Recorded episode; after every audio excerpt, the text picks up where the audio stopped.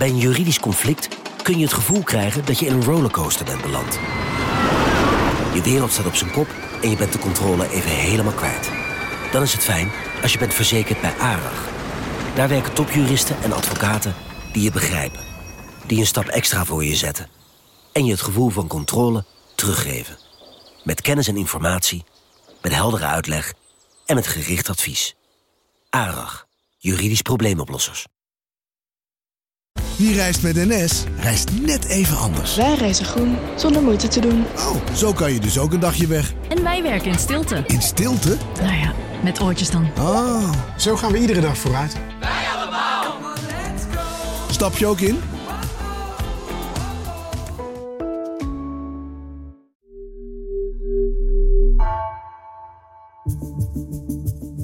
Vanaf de redactie van NRC het verhaal van vandaag. Mijn naam is Egbert Kalsen.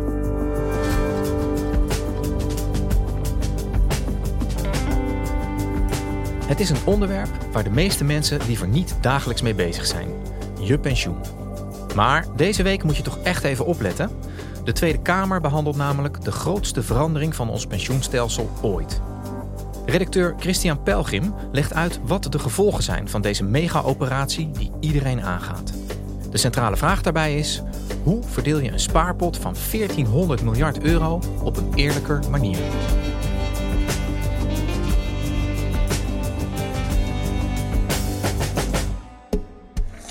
Ik uh, heropen de vergadering. Um, we zijn al vanaf tien uur in de ochtend aan het vergaderen over de wet toekomstpensioenen. En we zijn inmiddels aangekomen bij de bijdrage van de heer Nijboer. De afgelopen weken zat ik vaak in een, uh, een grijs klein zaaltje van de Tweede Kamer... waar een aantal Kamerleden bijeenkwamen om over een hele grote, complexe... maar toch ook belangrijke uh, nieuwe wet te praten. De wet toekomstpensioenen. Ze zaten daar in een halve cirkel. In het midden zat de minister die verantwoordelijk is, Carola Schouten. Naast haar meestal twee ambtenaren. En dan uh, links en rechts van haar allemaal Kamerleden die pensioenen in hun portefeuille hebben. Nou, dit heet dan een wetgevingsoverleg. En dat is dan bedoeld voor allerlei technische, ingewikkelde vragen. Je hoort dan ook heel veel pensioenjargon. En de sociale partners die de pensioenregeling overeenkomen... die moeten in het transitieplan opnemen... wat de effecten per leeftijdscohort zijn... van de overstap op de gewijzigde pensioenregeling en de gemaakte afspraken over compensatie voor deze cohorten. Maar naast die technische vragen zag je toch ook dat er heel veel grote politieke statements uh, gemaakt werden. Omdat het onderwerp zo gevoelig ligt. En er waren een aantal Kamerleden, vooral de PVV en de SP, die zeiden dat het een grote ramp zou zijn als deze wet doorgaat. Dat er geld wordt afgepakt en dat het beste pensioenstelsel ter wereld om zeep geholpen wordt. Hoezo zou deze wet passen bij de arbeidsmarkt van vandaag? En hoezo zou dat een argument zijn om het beste pensioenstelsel ter wereld bij het grofveld te zetten en te vervangen voor een onzeker, dus slecht pensioen?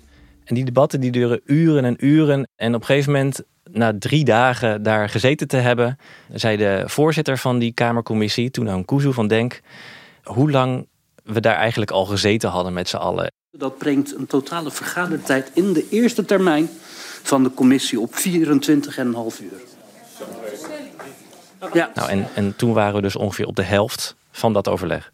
Maar um, om het dan helemaal compleet te maken, we zijn nog niet klaar. We gaan door met de tweede termijn. Nou ja, en dat is dus echt uitzonderlijk lang voor een wet.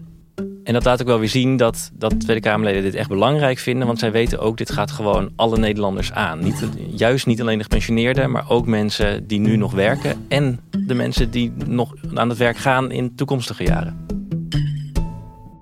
Want wat is er precies aan de hand? Wat, wat, wat gaat er gebeuren met het pensioenstelsel? Nou, voor het eerst sinds we dit pensioenstelsel hebben, dat is kort na de Tweede Wereldoorlog uh, opgebouwd. Voor het eerst gaat het echt groot op de schop. En het is een mega-operatie. Het, het, gaat om 1400 miljard euro. Dus ja, ik zal het nog een keer zeggen, 1400 miljard. Ja, ja. Dat zit nu in, in die potten van de, van de pensioenfondsen. En daar moet ook op een of andere manier een nieuwe verdeling voor komen. Op basis van wat mensen nu toegezegd hebben gekregen. En dat is meteen wat het ingewikkeld maakt. Het gaat niet alleen over de nieuwe pensioenopbouw, maar ook alles wat in het verleden is opgebouwd, gaat overgeheveld worden naar dat nieuwe stelsel. En dat is gewoon razend complex. Ja, de pensioenwet, uh, Christian. Het is een onderwerp waar, uh, waar ik niet dagelijks mee bezig ben. En ik denk een heleboel mensen eigenlijk liever niet mee bezig zijn. Hè? Persoonlijk kijk ik af en toe, uh, als die brief door de brievenbus komt, één keer per jaar wat ik heb opgebouwd. En verder eigenlijk alleen op momenten dat ik denk dat ik niet zo heel lekker in mijn werk zit. En me afvraag hoe lang moet ik eigenlijk nog en wat heb ik gespaard. Ja, ja, en dat is heel normaal. Dat, dat, dat geldt voor de meeste mensen. Dat het niet leuk is om over je pensioen na te denken. En uit onderzoek blijkt ook wel dat het associaties oproept aan de dood om na te denken aan je pensioen. Of uh, als, als jongeren nadenken over een pensioen, dat roept dat een beetje dezelfde associaties op in hun hersenen als geld weggeven aan een totale onbekende. Dus we kunnen er ook niet heel veel aan doen. Maar het is wel belangrijk dat je er op tijd over nadenkt. Want als je op je zestigste voor het eerst erover gaat nadenken, dan is het wel een beetje laat. En, en jij bent hier professioneel veel mee bezig, maar, maar privé, eh, ben jij daar ook veel met je pensioen bezig? Nou, wel meer, wel meer dan gemiddeld, ja. Ehm, maar toch valt het ook wel weer mee. Want ik, ik ben ook jong begonnen hier bij de krant. Ik was 21 jaar. Nou, en dat is al een groot voordeel qua pensioen, als je dan een goede regeling hebt. Want dan heb je gewoon heel veel jaren dat je opbouwt. Maar ik merk wel in mijn omgeving dat, dat, dat vrienden die bijvoorbeeld geen pensioenregeling hebben, dat die aan mij vragen van ja, maar, maar moet dat nou? En nou ja, dan, dan voel ik toch wel een beetje uh, zendingsdrang van nou kom nou, doe het nou een beetje op tijd. Want uh, als, je dit, uh, als je dit helemaal niet regelt, op een gegeven moment ben je ook gewoon te laat om, om iets op te bouwen. Wij gaan het hebben over, over de nieuwe pensioenwet. Dat roept eigenlijk gelijk de vraag op, wat was er dan mis met het oude pensioenstelsel? Want dat was toch, jij zei het zelf al, het beste stelsel ter wereld. Ja, en dat heeft eigenlijk heel erg te maken met de basics van het stelsel dat we in Nederland hebben. We hebben het basispensioen, dat is de AOW. En dat is eigenlijk gewoon een basisinkomen voor ouderen. Dat wordt eh, via de overheid gefinancierd door de werkenden van nu. En dat gaat naar de gepensioneerden van nu. En daarnaast hebben we dus de aanvullende pensioenen. En daar sparen werknemers eigenlijk voor hun eigen toekomst via de pensioenfondsen. Nou, die twee verschillende soorten stelsels, dat we die naast elkaar hebben, dat maakt het Nederlandse pensioenstelsel heel robuust. Maar goed, dat aanvullende pensioen via de pensioenfondsen, dat gaat nu dus op de schop. En het doel van al die veranderingen is dat het pensioen meer gaat aansluiten bij de moderne arbeidsmarkt, waar mensen wat meer van baan wisselen dan vroeger. Dat het wat persoonlijker wordt en de hoop is dat het dan ook wat begrijpelijker wordt voor mensen. Dus dat nieuwe pensioenstelsel, dat moet het, het huidige, wat verouderde stelsel eigenlijk toekomstbestendig maken, vat ik dat goed samen? Ja, dat is het idee. En het, het meest ingewikkelde daaraan is dat het dus niet alleen naar de toekomst toe verandert, maar dat al het geld dat nu in de potten zit, dat dat ook onder de nieuwe regels gaat vallen. Nou, en dat roept gewoon allemaal verdelingsvragen op, waar de Tweede Kamer ook heel veel vragen over heeft nog. Goed, laten we, laten we dat nieuwe stelsel eens even induiken. Uh, we hebben die pot van 1400 miljard, hè, zei jij al. Dat is de pot die herverdeeld moet worden tussen, tussen jong en oud. En er moeten nog een heleboel dingen veranderen. Wat gaat er precies in dat nieuwe stelsel anders worden ten opzichte van nu? Nou, er zijn drie grote veranderingen. Het eerste is dat iedereen een persoonlijk potje krijgt. Hoe het pensioen nu werkt, je krijgt niet echt gecommuniceerd van dit is hoeveel euro jij hebt gespaard. Nee, je krijgt gecommuniceerd dit is de toekomstige uitkering als je met pensioen bent. En daarna moet het pensioenfonds maar zorgen dat die toekomstbelofte ook waargemaakt wordt door een goede pot aan te leggen. Maar goed, dat is dus een grote anonieme pensioenpot per fonds. En dat wordt helemaal omgedraaid. De euro die ik straks inleg, die gaat in mijn persoonlijke potje. En er wordt dan wel nog voorzichtig gecommuniceerd wat dat in de toekomst waard zal zijn, maar dat zijn geen toezeggingen meer. En als ik dan met pensioen ben, dan uh, haal ik dat geld weer uit het potje. Ja, en, en wat is de reden dat ze dit eh, zo willen veranderen?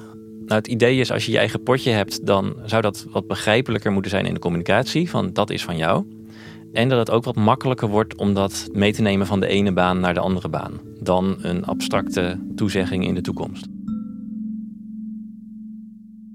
Dus in plaats van een grote anonieme pot krijgt iedereen een eh, persoonlijk potje. En dat moet je vullen in de jaren dat je werkt. Maar hoe weet je nou zeker dat jij voor al die jaren dat je met pensioen bent... Uh, genoeg geld hebt gespaard om daar maandelijks een bepaald bedrag van uit te keren? Ik bedoel, stel dat ik 100 of 110 word. Eh, dat, dat maakt nogal uit, zeg maar, voor hoeveel er in dat potje moet zitten. Ja, nou en dat maakt dat, ook al heet het een persoonlijk potje... dat het nog steeds niet helemaal individueel is. Het blijft een pensioenfonds waar je risico's met elkaar deelt. En dat geldt dus ook voor mensen die langer en korter leven... Um, uiteindelijk is bepalend hoeveel euro je hebt gespaard op de dag dat je met pensioen gaat. Dan wordt gezegd, dit is de maandelijkse uitkering die jij kunt krijgen. En dan gaan ze uit van een gemiddelde levensverwachting. Nou ja, uh, de mensen die dan langer leven, die worden eigenlijk gewoon gefinancierd vanuit de potjes van mensen die korter hebben geleefd en waar dat geld is overgebleven. Ja, dus de een zijn dood is de ander zijn pensioenuitkering in dit geval. Zo werkt het, ja. Dat is de eerste grote verandering, het persoonlijke potje. Eh, er zijn er drie, wat is de tweede? Nou, de tweede verandering is dat er nu nog een soort subsidie ook in het stelsel zit van jong naar oud.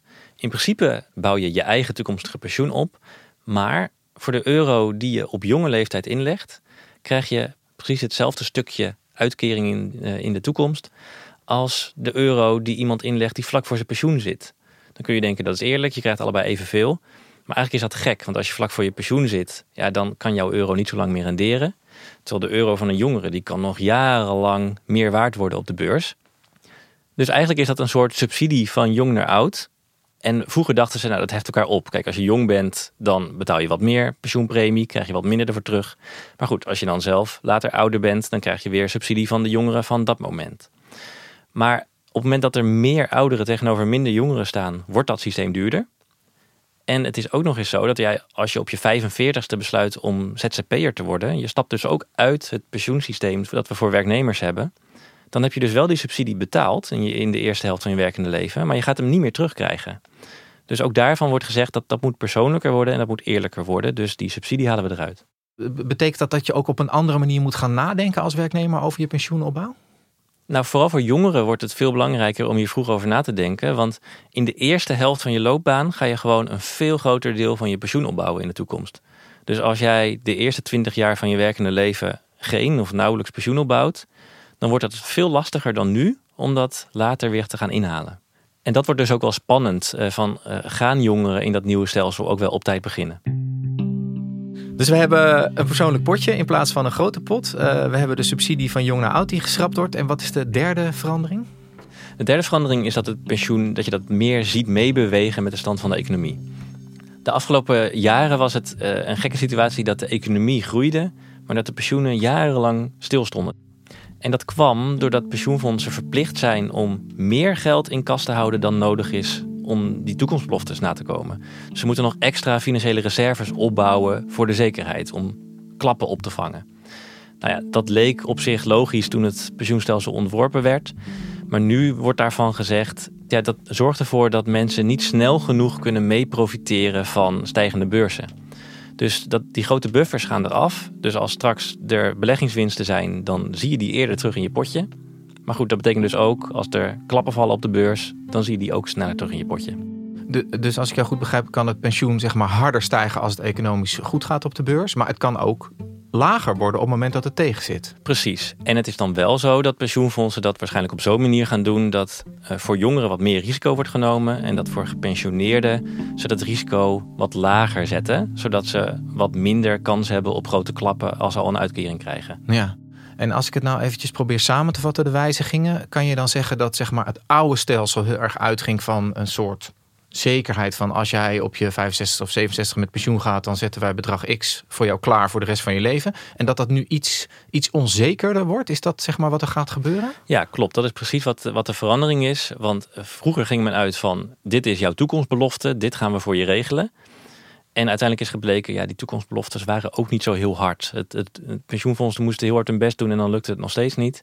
Dus nu is gezegd, pensioen is eigenlijk gewoon onzeker. Laten we dan ook niet doen alsof, het, alsof er een soort zekerheid is. Ja, dat botst denk ik wel heel erg met wat heel veel mensen nog steeds in hun hoofd hebben. Wat het pensioen zou moeten zijn. Gegarandeerd inkomen voor de rest van je leven. Ja, en straks zullen we echt moeten accepteren dat het gewoon onzeker is.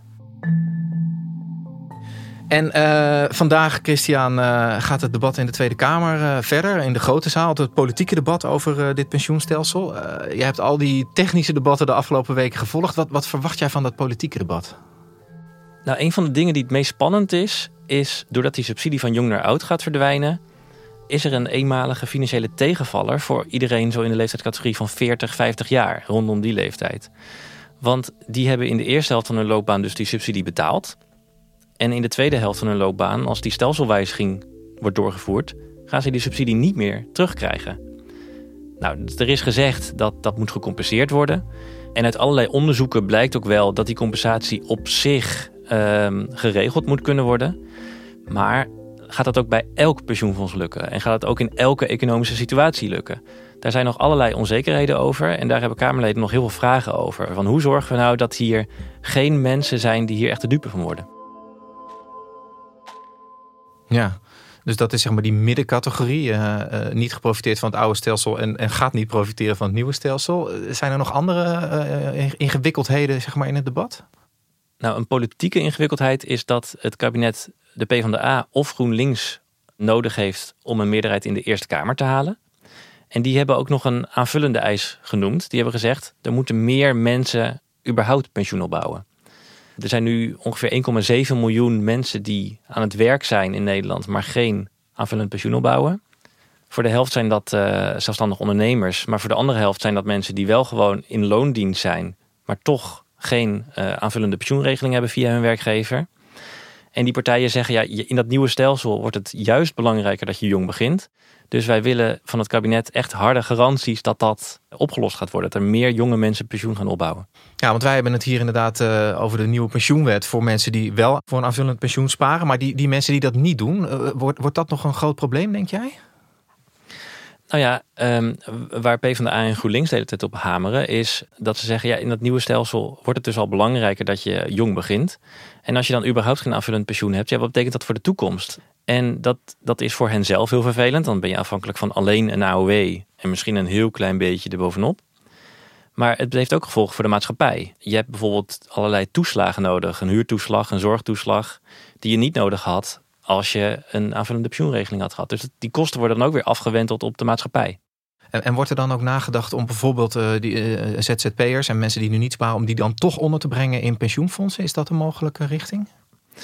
Wat die linkse partijen het liefst zouden zien, is dat er een pensioenplicht komt voor alle werkenden. Nou, dat, dat is, daar is geen politiek draagvlak voor bij andere partijen om, om het zover te gaan.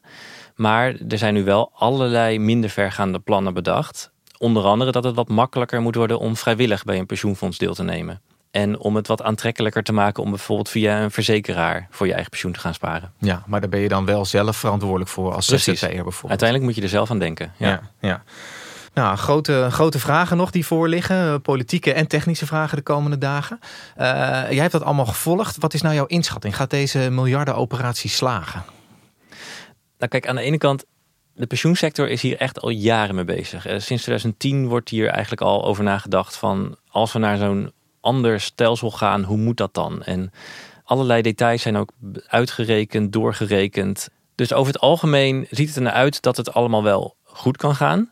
Maar uiteindelijk blijft het gewoon heel onzeker. Gaat het bij elk pensioenfonds wel goed? Bijvoorbeeld als je een pensioenfonds hebt waar heel veel veertigers zitten, die allemaal gecompenseerd moeten worden. Dat is veel lastiger dan bij een gemiddeld fonds. En natuurlijk wat als de economische situatie enorm verslechtert, precies op het moment dat we die overstap zouden gaan doen. Wat betekent dat dan? Ja, het voelt toch een beetje alsof je uh, de ene goederentrein al rijdend op de andere wil uh, gaan overladen. Het is een ontzettende complexe operatie. Ga ik daar nou als, als, als, uh, als werknemer, dus als pensioenbetaler en misschien ook wel als pensioengerechtigde iets van merken de komende tijd, denk jij? Nou, voorlopig nog even niet zoveel. Want als de Tweede Kamer erbij instemt, moet het nog naar de Eerste Kamer toe. Het idee is dat dan zo tussen 2024 en 2027 pensioenfondsen uh, de grote overstap gaan maken. Dat ze dan die grote potten in kleine potjes gaan opknippen. Maar de komende tijd kun je al wel mailtjes verwachten van je pensioenfonds. Uh, die al gaat waarschuwen van hé, hey, er komt een nieuw pensioenstelsel aan. En dit betekent het voor jou.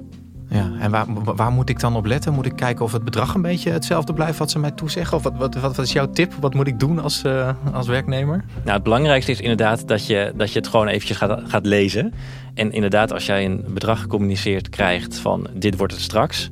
Nou ja, dan, dan moet je uh, gaan vergelijken en kijken van ziet het er een beetje logisch uit. En natuurlijk, uh, de technische details, ja, dat, dat is niet realistisch om je daarin te verdiepen.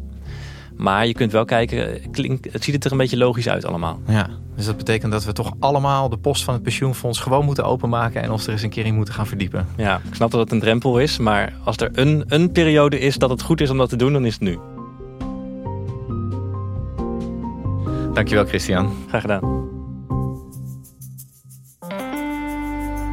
Je luisterde naar vandaag, een podcast van NRC. Eén verhaal, elke dag. Deze aflevering werd gemaakt door Tessa Kolen en Jeppe van Kesteren. Dit was vandaag. Morgen weer.